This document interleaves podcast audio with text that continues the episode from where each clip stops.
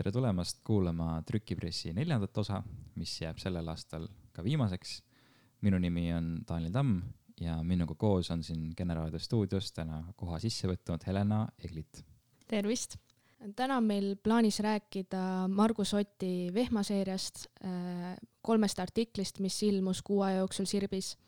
ja saate teises pooles äh, Jan Werner Mülleri Mis on populism, mis äh, ilmus äh, aasta tagasi ka eesti keeles. ja selleks ajendab Mihkel Kunnuse artikkel sellest, analüüs sellest raamatust, mis ilmus ka kuu aega tagasi Sirbis aga esiteks äh,, nagu lubatud, Margus Oti kolmest vehmateemalisest artiklist, mis on nüüd tõesti kuu vältel kusagil kahe nädala tagant Sirbis ilmunud ja selles suhtes ongi huvitav, et kas tegemist on siis jätkuva seeriaga, kas neid tuleb veel, äh, seda me ei tea, aga lihtsalt siis võtame ette selle, mis praeguse seisuga ilmunud on. aga esiteks, et mis üldse on vehm, mida see tähendab? Äh, Margus Ott määratleb seda kui äh, lühendit valgest Eesti heteromehest, siis esimestest tähtedest kokku panduna, aga sealjuures ta toonitab, et see ei tähista tingimata kõiki valgeid Eesti heteromehi, vaid vastupidi, see võib osutadagi inimestele, kes on siis naised teisest nahavärvist, teisest rahvusest. Äh, selle all ta pigem mõistab sellist nähtust, kus ähm, antud identiteeditunnused, nagu näiteks nahavärv või rahvus, on määratletud negatiivselt. ehk siis selleks, et seda kategooriat enda jaoks tunnistada, on vaja mõnda teist äh, kehandit või kogumit kelle üle oma üleolekut demonstreerida, ehk siis see definitsioon on, on selles mõttes negatiivne. ja vehmandust iseloomustab sulgumise ja eraldumise soov ja sellega kaasneb tihti hirm ja vaen, selline sulguv identiteet, mille üks eesmärke on igasugused vasturääkivused elimineerida. sellega seoses kasutab Margus Ott ka äh, homopropaganda mõistet, aga hoopis teises tähenduses, kui äh, homogeensuse propageerimist ja siinkohal on oluline toonitada veel seda erinevust, et eh, kui harilik valge Eesti heteromees oskab nende tunnuste kaudu siis suhelda ülejäänud maailmaga või noh, ta võtab neid kui, eh, kui sellist antust, eh, siis vehma puhul on need tunnused just kõige määravamad ja need on põhimõtteliselt suletud, seal ei ole avatust dialoogile.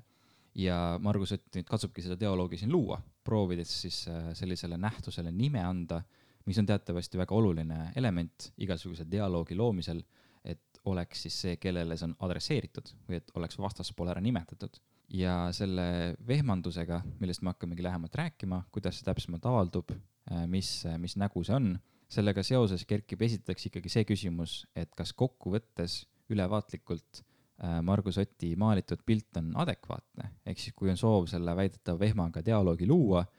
et kas see väidetav vehm tunneb ennast selles ära ja oskab sellest kaasa rääkida? ma eeldan ka, et äh, Margus Oti eesmärk ei olnud otseselt nüüd rünnata või kedagi kritiseerida, vaid pigem äh, tuua välja ühiskonna valupunkte ja üleüldse ühiskonnas diskussiooni luua. tegelikult see diskussioon ka loodi sellepärast, et Meelis Oidsalu äh, Äh, vastas ka äh, Margus Oti artiklile, tõi välja, et äh, Vehm võiks olla hoopis kui vahvad Eesti hevimehed. Ja isegi kui tema selline vastus oli negatiivne, kui ta tundis, et, et Eesti ütleme siis valget heteromeest rünnati, siis ikkagi on positiivne, et selline vastukaja tekkis. et selles mõttes ma arvan, Margus Ott täitis oma eesmärki. Oidsalu tõi tõesti välja, kuidas vehmaga seostub justkui mingisugune nõmedus, et kõik valged Eesti heteromehed on tingimata nüüdsest nõmedad. äh,, siis sellele Ott vastas, et, äh, et ei, mitte päris, vaid et just esiteks küsimus on äh, selles määras, et kuidas see avaldub, et see ei ole mitte tingimata mingi absoluutne kategooria, vaid see on pigem mingisugune rohkem nagu skaala, et mil määral see avaldub ja teiseks, mille suhtes see avaldub, on samuti väga oluline. ehk siis see nõmedus ei pruugi olla tingimata see see tingimata see vajalik kategooria ning see ei pruugi üldse käia valgete Eesti heteromeeste kohta, vaid see pigem näitab mingisugust suundumust, mingisugust mõttemalli, mitte ei adresseeri neid inimesi endeid minu arvates ka ta pigem äh, kirjeldab neid äh, poliitilisi tendentse, mis meil viimasel ajal, viimastel aastatel ühiskonnas äh, kerkinud on, mitte et otseselt nüüd ründaks kedagi. nii, ja nüüd, kui asuda konkreetsemate näidete kallale, siis esiteks ähm, sarja esimene osa, keskkonnavaenulikkus, kus ta siis avaldab muret selle üle, et, et probleemid keskkonnaga ja lähenev kliimakatastroof justkui võiks olla üldaktsepteeritud, üldtunnustatud asi, millest ollakse nõus rääkima, siis ometigi see nii ei ole, et endiselt äh, suur osa ühiskonnast leiab, et kas tegemist pole üldse probleemiga või et tegemist on ületähtsustatud probleemiga. ja üks põhjus, miks see niimoodi võib olla, peitubki siis Margus Otti arvates sellesamas vehmas, õigemini vehmanduses. Äh, ja ta toob välja just seda, kuidas ähm,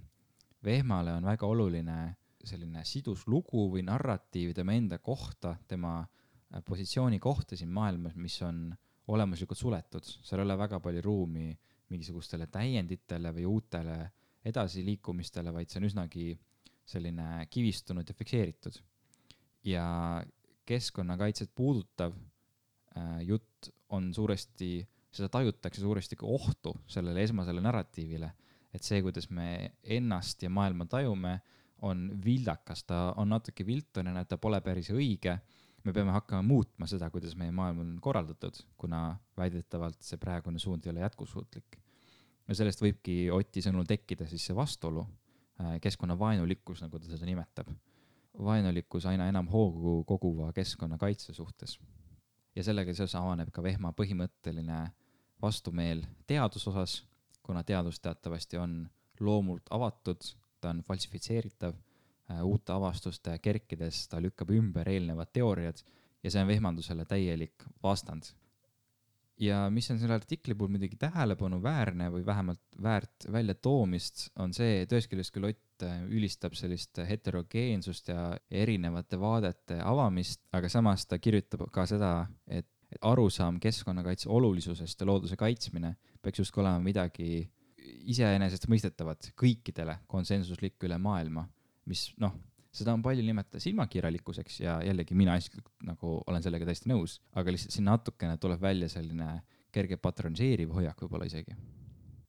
kuigi Margus Ott äh, tõmbab äh, siin artiklis selgelt äh, üsna järske seoseid vehmanduse ja keskkonna teema vahel, siis minu arust see toobki välja selle, et ta ei mõtle vehmanduse all öö, otseselt mingit inimgruppi ühiskonnas, vaid et meil on lihtsalt üleüldiselt see probleem olemas. Samamoodi nagu Daniel, äh, sina tõid välja selle probleemi, et äh, kuidagi teadus on kõrvale jäänud või et äh, teadlasi nii väga enam ei kuulata või samamoodi, et noh, et vehmandus vaatab kuidagi teadusest kõrvale, siis minu arvates ka on ühiskonnas üha enam see probleem, et ei kuulata enam eksperte. et kui meil on mitmed ülemaailmsed äh, organisatsioonid, teadusorganisatsioonid välja toonud, et meil on olemas kliima soojenemine, meil on äh, selgelt olemas probleem, siis äh,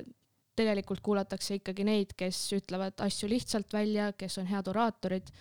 ja kuidagi eksperte enam ei kuulata.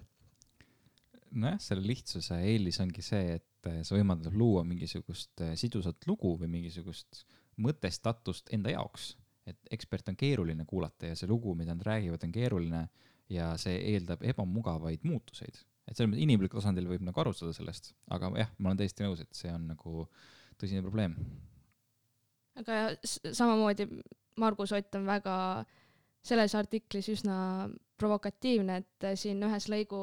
lõpus ta toob välja, et vehmanduse võit tähendaks kõige tõenäolisemalt nii ühiskonna kui ka keskkonna kollapsit siis äh, see on selgelt üsna provokatiivselt äh, tema poolt välja toodud. ja provokatiivselt tõesti selles mõttes, et siin äh, kangastub väga selgelt see eristus valgete Eesti heteromeeste ja vehma vahel. et kui esimene tähistab siis mingisuguseid inimesi, kes on määratletud mingi ting-, mingisuguste tingimuste põhjal, et see vehmandus on pigem noh, kuidas öelda, mõtteviis või mingi maailmavaade, et mille, kus on väga oluline jah, see, see lugu endast mis on, mis, mis oleks võimalikult puhas, võimalikult äh, üheselt mõistetav, võimalikult õige, kus ei ole ruumi igasuguste vasturääkivuste ja konkureerivate vaadete jaoks. et see jah, siin see eristus nagu tuleb väga hästi välja, et ei räägi mitte tingimata inimestest, kes on siis valged heteromehed, mida iganes, vaid keda iseloomustab see arusaam ühest õigest loost, mida nad räägivad enda kohta ja suutmatus tulla toime teiste konkureerivate vaatepunktidega aga nüüd liiguksime teise artikli juurde, mille pealkiri on diskursus ja Margus Ott äh, toob välja semiootilise üm ümberpööramise ja udukudumise, mis on siis kaks vehmale iseloomulikku lüket diskursuse tasandil. semiootilise ümberpööramise all mõtleb ta vehmanduse paradoksaalsust, näiteks äh, vehmad defineerivad end äh, konservatiividena, kuid tegelikult soovivad nad ühiskonnas viia läbi üsna järske muudatusi ja Margus Ott nimetab neid isegi revolutsionäärideks. samamoodi süüdistavad ühiskonda lõhestumises, et on olemas süvariik, kuigi tegelikult nad ise tekitavad seda lõhestumist ja mõnes mõttes ka süvariiki. see semiootiline ümberpööramine on tõepoolest üks äh, kütkestav nähtus, jällegi õppides semiootikat ja tõenäoliselt kirjutades isegi bakatöö küllaltki sarnasel teemal. Äh, ta toob tõesti välja seda küllaltki levinud vastuolu, et kuidas äh, vastaseid süüdistatakse tihti selles, mida soovitakse ise teha. et see on selles mõttes väga mõistetav strateegia äh, just selles mõttes, et ta õigustab teatud äärmuslikke samme, kuna väidetavad vastased teevad ju sama asja, seega on okei okay,, kui me teeme samamoodi. Samuti on tihti lihtsam projitseerida väljapoole mingisuguseid oma puudujääke ja oma vaateid, kui siis proovida aru saada, mis on need vastaspoole tegelikud vaated, aga noh, sellest võib-olla hiljem jõuame äh, rääkida. ja noh, et näiteks mulle endale see süvariigi näide samuti väga meeldib, et ühest küljest meil käib äh, justkui sõda süvariigi esindajate ja selle institutsioonide vastu, aga samas see sõda justkui õigustab veel sügavama riigi loomist, ehk siis see õigustab mingisuguseid vastumeetmeid. Et see paat on ühele poole justkui täiesti kaldus, me peame kallutama ta täiesti teisele poole. Või no kas just nüüd kallutama täiesti teisele poole, aga võtma ette radikaalsed meetmed, mis olukorda, väidetavat olukorda leevendaksid, kuigi tegelikkuses see võib osutuda, kuigi tegelikkuses see võib viia pigem eskaleerumiseni. ja sellega seoses kerkivad üles ka erinevad kõlakojad, nagu Ott seda välja toob, ehk siis äh, kui mingisuguste nähtustega seostuvad mingid iseloomuomadused Äh, mis äh, nende inimeste endite arvates, kelle kohta nad justkui käivad, a la siis näiteks, no ma ei tea, kohtuesindajad, et nende kohta hakkavad käima mingisugused kindlad süüdistused, kindlad iseloomuomadused, see tekitab või see soodustab selliste kajakodade,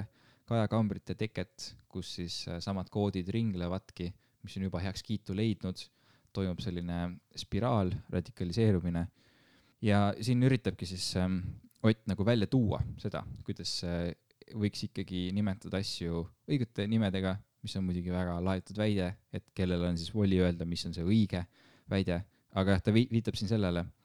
et äh, neid nähtuseid, mida kritiseeritakse, tuleks proovida ikkagi läbi tajuda ja seda, neid silte, kuidas ennast kirjeldatakse, näiteks konservatiivsust, tuleks ka proovida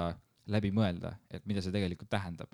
ja et äh, kui justkui konservatiivid nõuavad ühiskonna pea pealepööramist, et siis kas see on tegelikult konservatiivsus et mulle tundub, et see võib olla tema laiem eesmärk siin. et jällegi noh, semiootiliselt öeldes, et äh, tähistaja ehk siis mingisugune, mingisugune nimi, mingi mõiste läheks kokku tähistatavaga, ehk siis see, millele ta viitab. Ähm, ja samuti ta räägib siin äh, afektiivsest triivist ja seda siis äh, udu kudumise näitel, mis on eestikeelne vaste tõeärksuse ajastule ja võltsuudistele ja kus domineeribki seesama afektiivne laeng. Ehk siis oluline pole mitte mingisuguse uudise või narratiivi koherentsus, vaid see, et ta tekitaks mingisugust afekti, mingisugust tunnet ja ajendaks mingisugustele tegudele, ehk siis äh, noh, natuke eelnevaga seostes, kuidas äh, kuhjatakse kokku hästi palju äh, tähenduslikke mõisteid või mis on väga afektiivselt laetud, näiteks minevikule mõeldes mingisugused orjaööd, Nõukogude Liidud ja muud asjad, ja projitseeritakse need siis mingisugustele äh, välistele nähtustele, no näiteks Euroopa Liit ja Nõukogude Liit, et, et kuidas luuakse nende kahe vahel võrdlusmärki. ja seda ongi väga oluline siis äh, esile tuua ja välja tuua, kuidas selline asi ei ole tegelikult pädev. ja sellega on see probleem, nagu Ott seda välja toob, et sellest rääkides mõnes mõttes me kinnitame seda seost ja tegelikult nii on. ja sellega seostub hästi nüüd juba mõnda aega tagasi internetiavarustesse jõudnud äh, Martin Helme äh, äh, peetud ettekanne ühel paremäärmuslaste konverentsil, kus ta tõigi välja, et selline ongi strateegia, lihtsalt eskaleerida ja provotseerida ja mitte kunagi vabandada ja sellega panna kõik inimesed rääkima soovitud teemadel. ehk siis noh, Ott on ka väga teadlik sellest, et see on ohtlik asi, kuhu minna, et isegi seda ümber lükates me ikkagi mõnes mõttes taastoodame seda narratiivi. Ja tegelikult jah, ja selline ongi tema enda töö ka siin. Äh, Ott töötab ise ka ju diskursuse tasandil, ehk siis ta proovib nimetada nüüd mingisuguseid nähtuseid, et nendele oleks võimalik osutuda. näiteks see, et äh, seesama semiotiline ümberpööramine. et süvariigi puhul äh, seda kiputakse kirjeldama kui mingisugust empiirilist reaalsust, kui tegelikkust, et on olemas selline kallutatud jõud ja see õigustab äärmuslikke meetmeid, nagu ma enne kirjeldasin siis kurstasandil tulebki välja tuua, et see pole tegelikkus, see on mingisugune lugu, mingisugune narratiiv, mis ei tähenda, et ta oleks tingimata vale, aga ta on sattumuslik. ja ta võib olla silmakirjalik selle semiootilise ümberpööramise näol. ühest küljest on selle udu kudumisega üsna raske tegelikult reaalsuses võidelda või nii-öelda vehmadega vaielda äh, seda vehmade retoorilist tehnikat äh, nimetataksegi senjööri sööstuks sel ajal, kui Vehm toob välja kümme väidet, mis on üsna seosetud, mis ongi nii-öelda siis selline udu kudumine, ütleme, oponent proovib talle vastata, mõne argumendi ümber lükata, siis sel hetkel ta toob veel juurde nagu kümme väidet, et tegelikult väga raske on äh, poliitilist diskussiooni vehmadega arendada. jah, tõesti, see senjöörisööst on selles mõttes väga ohtlik äh, lõks, kuhu langeda, et kui hakata sellega kaasa mängima, siis seal on võimatu võita Äh, kuna siis oponent saab alati kuhjata väiteid juurde, juurde, juurde. Ta ei ole tingimata heasoovlik, et eesmärk ongi siis mitte niivõrd äh, mingit oma platvormi jõustada, kui vastast lihtsalt segadusse ajada ja kusagile auku kaevata. ja mulle tundub, et see ainuke lahendus saabki olla mingisuguse distantsi võtmine ja selle strateegia läbinägemine või vähemalt selle läbinägemise proovimine, et proovida nimetada seda, millega parasjagu tegu on mida see oponent siin teeb ja sellele tähelepanu juhtida, mitte selle mänguga kaasa minna. Ja sellepärast on see diskursiivne tasand siin väga oluline. et tihti just sellel äh, astmel need äh, võidud ja võitlused toimuvadki. ja kolmandaks ning viimaseks äh, on artikkel nimega Natukene olu, mis praeguse seisuga selle vehmaseeria lõpetab. ja natukene olu tähendab Oti arvates siis seda kuidas seesama vehm toetub oma identiteedi toestamisel teistele gruppidele, teistele toimijatele ja selle juures just läbi alandamise, läbi alavääristamise, läbi negatiivsuse. ja ta eristab siin rõhujat ja vimmainimest. et kui rõhuja on inimene, kes saab kasu sellest alavääristamisest, näiteks mõni antifeminist, äh, kes soovib endiselt, et naised jätkaksid teenijatena, kuna tal on mugavam, kui tema, noh, ta peab ise oma kodu eest hoolitsema Äh, siis vimmainimene on kahjudega kaupleja, kes isegi ei saa mingit otsest kasu sellest teise alandamisest. Näiteks toob Ott välja homofoobia. et see, mida inimesed teevad oma magamistoas, ei pruugi ju teist inimest mitte kuidagi puudutada. talle ei pruugi sellest mingit kahju otseselt sündida. aga ometigi on see homofoobidele vastumeelne, igasugune siis äh, selline omasoo ihar-, iharus. Äh, ja siin noh, ta võtabki sellise üsna psühhanalüütilise vaate et selline vimm igasuguste kõrvalekallete vastu võib ka tuleneda siis äh, vehma enda mingisugusest äh, nõrkustest, mida ta projitseerib väljapoole mingisugusele reaalsele kehale, et siis seda paremini vältida, sellest paremini hoiduda ja siin väljendub just see hirm mingisuguse teistsugususe, ebapuhtuse ja muu vastu äh,. ja sellest tulenevad igasugused alternatiivid ja kõrvalekalded ja muud teed näivad väga kahtlased ja parem oleks, kui need õnnestuks sulgeda, kui õnnestuks luua jälle sedasama homogeensust. Ja muidugi lõpus ta selles mõttes toob välja, et, et mõnes mõttes kõik on, et see natukene olu ei ole üldse halb asi, et kõik ikkagi toetuvad teineteisele oma identiteedile mõeldes, et inimene on nagu sotsiaalne olend. aga ta vastandab natukene inimesele palju inimest Äh, kes on siis seesmiselt paljune, kes äh, möönab, et tema ümber on palju paljusust, mitmeid erinevaid vaateid ja oskab nendega siis loovalt ja võimendavalt läbi käia. Versus see natukene inimene, nats inimene, jällegi väga provotseeriv sõnastus, kes siis elab vihast ja vaenust teiste vastu. kriitika mõttes äh, ikkagi, no näiteks konkreetselt seesama homofoobia küsimus, et ma olen jällegi põhimõtteliselt nõus äh, sellega, millest ta räägib, aga just, et et, et kas ikkagi on vaja nüüd minna sinna psühhoanalüüsi, et tegemist on mingisuguse inimese enda nõrkustega, et võib-olla see kahju, tajutav kahju väljendub äh, samasooliste abielu vastaste puhul pigem kaudse kahjuna, noh näiteks see, et võib-olla tõesti okei okay,, mina ei pruugi sellist kahju saada, aga selle homopaari lapsed võib-olla saavad kahju ja ma seisan nagu nende eest. et see kahju võib olla kaudsem, tundub mulle. Ott võib olla natuke liiga karm selles artiklis. minu arust on ka hästi huvitav äh, just see, et äh, kuidas luuakse identiteeti või sellist ühtsust läbi vaenlase kuju. See tuleb minu arust, äh, kui minna nüüd noh, Eesti raamidest välja, siis kuidas Putin loob sellist vene hinge või vene ühtsust, et ikkagi läbi vaenlase kuju, äh, kas on siis äh, tšetšeenide või äh, Krimmi annekteerimise näol. minu arust ka äh, nagu Daniel, sa välja tõid, et Margus Ott on natukene järsk või natuke julm mõnes mõttes vehmade suhtes. Tegelikult ma ei usu, et kõik need vehmad oleksid sisemiselt halvad või kurjad kuidagi. kui nüüd proovida kokkuvõtteks sellele vehmaseeriale mingisugune joon alla tõmmata siis ähm, mulle näib ühest küljest, et tegemist on suurepärase seeriaga, toob välja väga palju huvitavaid nähtuseid. samas üks asi, mis mind natuke jääb närima, on äh, sellesama eris-, eristuse lahtumine, mida Ott ise üritab väga rangelt teha, mis puudutab just seda, et ta ei adresseeri tingimata valgeid Eesti heteromehi, vaid mingisugust vehmamäära, mis võib avaldada erinevates inimestes erineval moel. aga, et üritab seda eristust luua, aga teisest küljest tihti ta justkui adresseeriks indiviide üksikuna oma tekstides. ta justkui kõneleks väga isik-, isiklikult. ehk siis mul natukene tundub, et äh, see eristus hakkab hajuma ja võib osutuda liiga sildistavaks ja liiga ründavaks, mis pigem just tekitab kaitsereaktsiooni ja noh, ei aita sellist korralikku suhtlust luua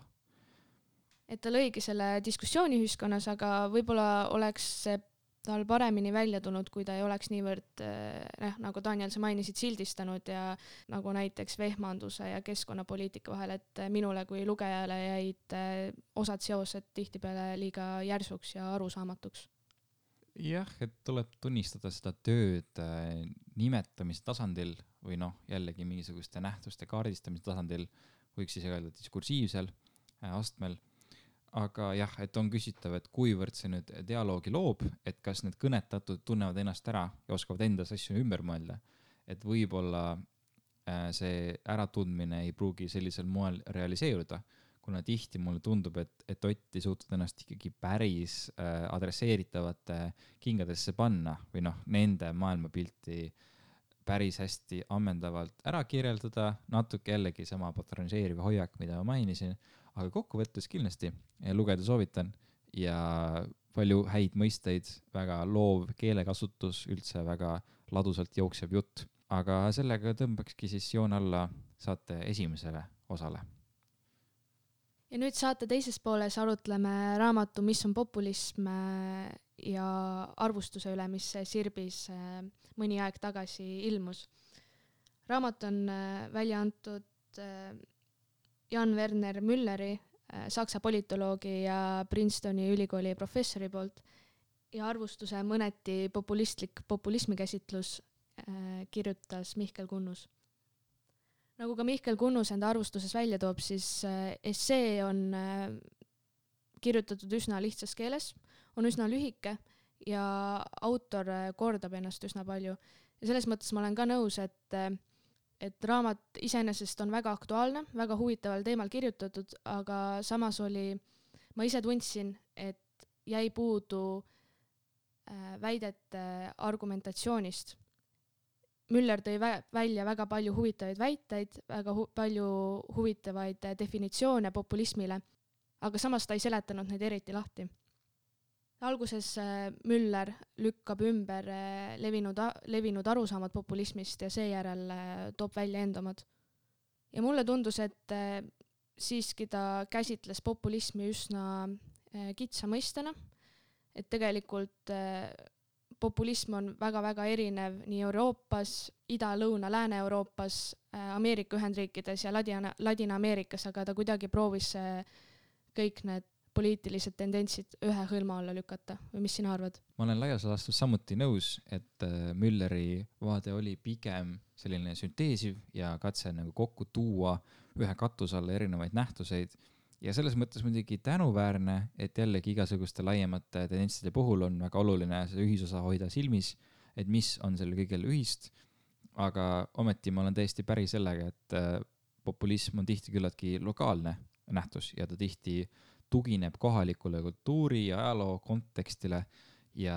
selles mõttes tundub mõistlik ka Kunnuse ettepanek keskenduda rohkem tüpoloogiale, et tuua välja populismi eri tahke, kuidas võivad väljenduda erinevatel viisidel, mitte niivõrd proovida defineerida seda mõistet ennast, mis on ka loomulikult oluline ja vajalik, et oleks mingisugune noh, mõiste, millest kõik ühtemoodi aru saaksid, vähemalt piisavalt ühtemoodi, aga just see, et seal oleks ka piisavalt palju nüansse, et populism võib ometigi väljenduda nii erinevates kohtades, nii erineval moel no näiteks tõi Kunnus välja, et populismi puhul võib eristada maagiliste lahenduste populismi unistuste populismist. et kui esimene pigem propageerib selliseid kirvemeetodeid, lihtsaid lahendusi keerulised, keerulistele probleemidele, siis unistuspopulism pigem maalib unistusi, noh, sõna otseses mõttes, mis võivad olla täitmatud, ehk siis mingid laiemad lood, noh, kasvõi näiteks viie aastaga viie Euroopa rikkaima riigi hulka. et no kasvõi selline eristus, eks, on võimalik teha, mis aitab juba nagu paremini kategoriseerida seda mõneti problemaatilist mõistet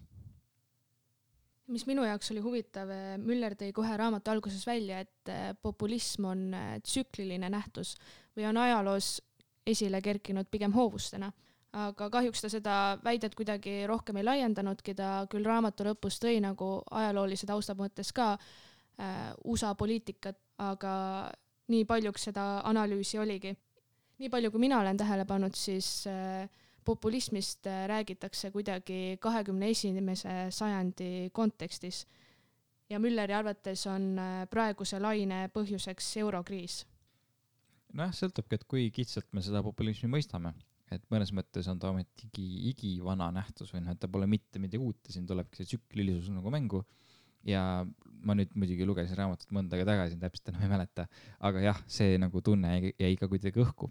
et justkui seda ajaloolist plaani natuke rohkem nagu välja tuua, kuigi samas äh, Mülleri kiituseks siiski näited on tal küllaltki mitmekesised selles mõttes, et ta käsitleb väga erinevaid regioone, peamiselt muidugi küll äh, Visegradi riike, ehk siis ja seal omakorda eriti Poolat ja Ungarit, aga ka Ladina-Ameerikat, Ameerika Ühendriike, et noh, selles mõttes tema nagu ampluaa ei ole nüüd liiga kitsas, aga pigem ongi jah, just see, et, äh, et definitsioon on selline pedagoogiliselt veniv või noh, tihti ennast kordav, mis võib olla ühest küljest väga kasulik, et jällegi vähemalt jääb meelde, aga samas teisest küljest oleks variant, teine variant minna ka rohkem äh, detailidesse, mis puudutab just seda tüpoloogiat ja mis puudutab sellist äh, noh, neid argumentide väljaarendamist, nagu sa mainisid. Ja veel, ähm, kui veel vaadata konkreetsemalt selle Kunnuse arvustuse peale siis äh, eraldi äh, alapealkirjana või alapunktina toob ta välja populismi ja moralismi suhet. Ja Kunnus äh, küll ise vastandab neid kahte või noh, toob moralismi näitena sellest, mis võiks olla populismi antitees, kui moralism pigem pakub indiviidile võimalust ise areneda või soovitab tal seda teha, iseennast muuta, siis populism osutab probleemi põhjustele mingisuguses välises maailmas. ehk siis, kes on süüdi on see küsimus, millele nad vastavad erinevalt. et moralist leiab, et äh, ise oled süüdi, samas kui populism pigem otsib endale kellegi välise, kelle peale seda süüd valada. aga samas see populismi ja moraali seos on iseenesest äh, veel laiem ja veel huvitavam, äh, mida Müller ka tihti välja toob, et populismi oht või ähvardus seisnebki osalt ka selles, et ta viib poliitilise debati, mis on põhimõtteliselt, eks ju, vaieldav, sattumuslik ja läbiräägitav, ta viib selle moraalsele tasandile, kus on väga rangelt olemas õige ja vale, halb ja hea, kus ei saa väga dialoogi või mingisugust sellist arutelu luua, kuna seal on väga põhimõttelised erinevused, mis on halb ja mis on hea. ja poliitikas minu arvates peaks sellist küsimust vältima, et kõik, mis ühiselu puudutab, ei saa olla nii mustvalge. et loomulikult noh, on, on näited, kus see võib olla väga moraalne konflikt aga populism teeb igapäevanähtustest ka väga moraalsed küsimused, kus on väga raske midagi otsustada midagi selgeks vaielda, kuna on väga binaarne hea versus kurja võitlus ja keegi ei taha olla kurja poole peal. millele ma varem ei mõelnud, on see, et kui ajalooliselt on populism olnud pigem selline majanduslik, siis noh, samamoodi ei saa kõike ühe hõlma alla panna, aga nüüd on see pigem maailmas selline kultuuripoliitika põhine või selline rahvusluse põhine, et muidugi on ka erandeid, näiteks Bernie Sanders, kes, äh, kelle poliitika on pigem selline majandusliku eliidi vastane, aga ikkagi, kui me vaatame Poolat ja Ungarit, Itaaliat, Trumpi, siis äh, selgelt on see üles ehitatud rahvustundele. samas muidugi, mis on populismi puhul võib-olla veel olulisem, on ikkagi selle, selle käsitlemine meetodina, et seda võib rakendada nii mitmel viisil, nii erineval skaalal ja nii laial spektrumil, et see võikski olla pigem kirjeldatud kui meetod mingisuguste tulemuste saavutamiseks mingisugusel demagoogilisel teel kus on esiteks loomulikult see eliidivastasus, aga samas ka igasuguse pluralismi eitus ja ühele õigele lahendusele pretendeerimine, mida siis see valitud toimija esindab. Ehk siis äh, ma arvan, et populismi tasub ikkagi meetodina käsitleda ja selles mõttes on jällegi äh, Mülleri näidete mitmekesisus väga teretulnud. aga nüüd äh, lõpetuseks veel Müller ka räägib sellest, kuidas lahendada või kuidas toime tulla populismiga ja tema toob siin välja seda, kuidas eeskätt ei tohi neid eirata, et nendega peaks ikka suhtlusesse asuma ja nendega suhtlema edasi. aga et kas see on ka reaalselt teostatav või kuidas sulle tundub, kas tema lahendusel on mingit alust, on see pädev variant? no kindlasti teoorias eh, on see ideaalne, kui me suudaksime nendega suhelda, aga noh, kui me võtame kasvõi Eesti näite, eh, siis populisti, me, Eesti on isegi nii hea, et on võtnud populistid valitsusse, aga nagu me näeme, siis sellest ei ole mingit äh, head nahka tulnud, et tegelikult äh, retoorika on jäänud samaks või läinud isegi karmimaks. ja minu arvates äh, selles mõttes kindlasti tuleb populistidega suhelda, neid ei tohi kuidagi kõrvale jätta, sellepärast et äh, siin on ka nagu rahva, rahva arvamus mängus, aga tuleb olla ettevaatlik, et kui me võtame noh, samamoodi populistid valitsusse või või suhtleme nendega nii-öelda liialt, siis me kuidagi legitimiseerime seda, mida nad ütlevad või seda, mida nad teha tahavad. samas sellise suhtlemise ja valitsusse võtmise vahele jääb ikkagi päris pikk maa, et ongi see, et kindlasti neid mitte legitimiseerida, osutuda sellele, et nende platvorm on selles mõttes õõnes ja ohtlik äh, ühiskonna sidususele ja üldse tervisele aga samas siin tuleb minu arust mängu natuke sama asi, mis selle diskursusest pajatava vehmaartikliga, et kus oluline on teadvustada seda lüket kui strateegiat, kui mingisugust narratiivi, kui mingisugust konstruktsiooni. ta ei pea olema selline, nagu ta praegu on loodud. ehk siis suhtlema kindlasti peab, aga just mitte populistide eneste reeglite põhjal. ehk siis jällegi proovida ikkagi hoida selles mõttes distantsi ja eristada seda populismi ja noh, proovida sellele pihta saada ja selle jaoks ongi väga olulised sellised äh, Mülleri stiilis raamatud, mis ikkagi proovivad seda mingisugust definitsiooni anda, tuua välja neid karakteristikuid, mis on populistlikule liikumisele omased, et selle põhjal siis neid äh, tõmmata liistule. ja ma olen täiesti nõus sinuga, samamoodi nagu me eelmise teema juures äh, peatusime, et teoorias oleks tore suhelda, aga teisest küljest on see, et kas see ka välja tuleb, et, et kuna see poliitiline retoorika on niivõrd erinev, siis äh, väga raske on tihtipeale nendega suhelda või dialoogi luua, sest et kui populistid ei taha dialoogi luua, siis äh,, siis ei ole ka teistel midagi teha. jah, tõepoolest, eks see kehtib ka võib-olla rohkem sellise äärmusliku populismi puhul, et jällegi see ei pruugi tingimata olla üldse midagi negatiivset, populism võib olla ka väga just rahvast äh, võimendav, võimustav liikumine, ma arvan, et see peamine küsimus ongi siin pluralismi välistamine ja ainuõige moraalselt ainuvõimaliku lahenduse esindajana esinemine. et see võib-olla on see ohumärk, aga mis puudutab nagu eliidile vastandumist ja rahva tahtele apelleerimist, no see on nagu demokraatiale hädavajalik. ehk siis jah, et mitte tingimata populistidega suhtlemine tuleb välistada, aga osata eristada seda määra, samamoodi nagu vehmamäära kuidas populism avaldub ja mis on see implikatsioonid, mida ta endaga kaasa toob. ja nendest olla teadlik, nendega mitte kaasa minna, aga mitte tingimata välistada populismi kui sellist. aga okei okay,, ma arvan, et sellega võibki lõpetada siis neljanda trükipressi saate. aitäh teile kuulamast, minu nimi on Tanel Tamm ja minuga koos oli Helena Eglit. soovin kõigile ilusat vana aasta lõppu ja kuulmiseni järgmisel aastal